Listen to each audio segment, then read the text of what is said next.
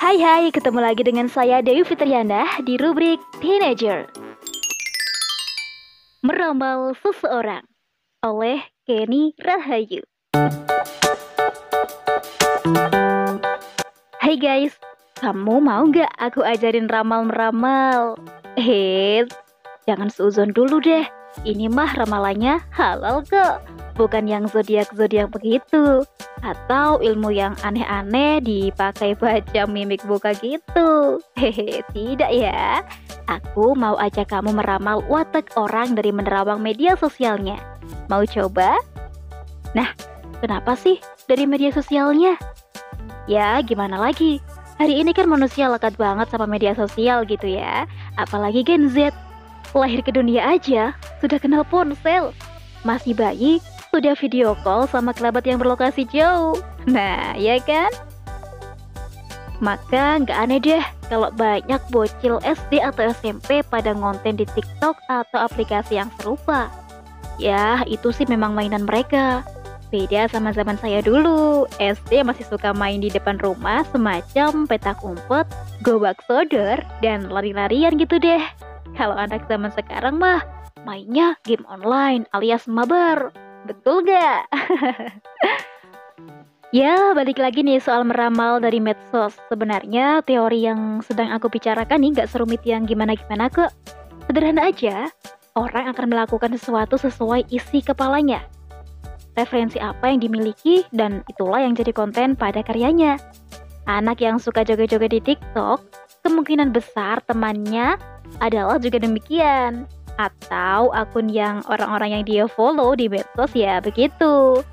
Seseorang yang suka ngomel, ngamuk dan curhat di status WhatsApp, menggambarkan pula kalau ia itu siapa. Tingkatnya sih mungkin kita jadi tahu nih apa yang terjadi. Lebih rumit lagi, kita bisa mengerti betapa ia ingin didengar dan butuh teman berbagi. Makanya, informasi seseorang yang menjadi referensi sehingga ia berkarya sesuai apa yang ada di kepalanya. Kalau ada orang yang ansos di media sosial, bagaimana? Gak beda sih teorinya. Kamu bisa melihat dari orang-orang yang dia follow.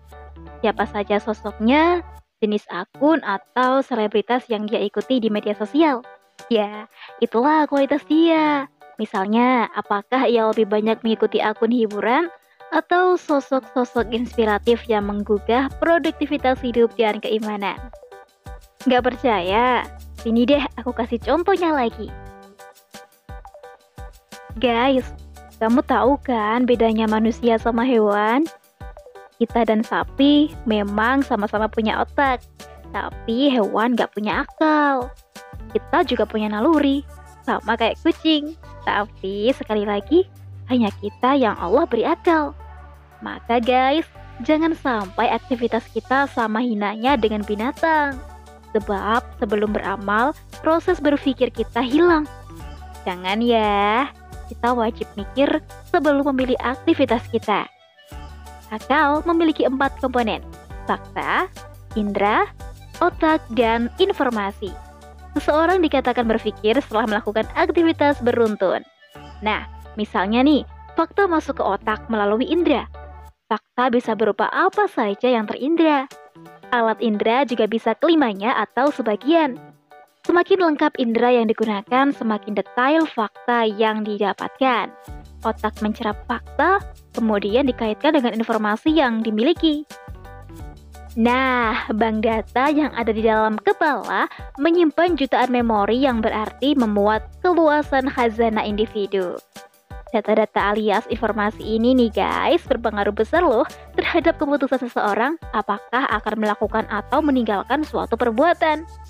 Si pelaku joget-joget misalnya, dia memahami bahwa yang dilakukan bukan hal yang buruk, sehingga tak masalah baginya dilakukan. Tapi sebaliknya, yang meninggalkan aktivitas tersebut adalah seseorang yang memahami bahwa joget-joget kurang pas jika dilakukan di depan umum. Nah guys, empat komponen dalam akal ini yang menjadi unsur terjadinya proses berpikir. Seperti kita tahu ya, bahwa proses berpikir ini menjadi landasan seseorang sebelum melakukan sesuatu aktivitas. Itulah mengapa kita bisa menilai seseorang sesuai informasi apa yang masuk ke benaknya. Sebab informasi merupakan bahan pembentukan pemahaman. Eh guys, mungkin kamu pernah dengar ya, ada anak pengacara kondang Indonesia menikah dengan seseorang penghafal Quran yang masyur. Sayangnya sih pernikahan itu hanya berusia tiga bulan, kemudian bercerai. Nah, suatu ketika, Simbaknya bercerita nih, bahwa ia terpantik menikah muda karena banyak mengikuti atau follow akun dakwah Islam yang mengkompori menikah muda. Wah, dia sih memang agak menyalahkan akun-akun itu ya, karena cuma bisa provokasi nikah tanpa edukasi. Cuma pertanyaannya sih, Simbaknya sudah benar-benar belajar dan mempersiapkan diri untuk menikah belum? Nah guys, itu fakta beberapa tahun yang lalu ya. Dan hari ini narasi berganti. Sejak seseorang influencer mengumumkan keputusannya untuk child free, konsep ini mulai viral di kepala netizen Indonesia.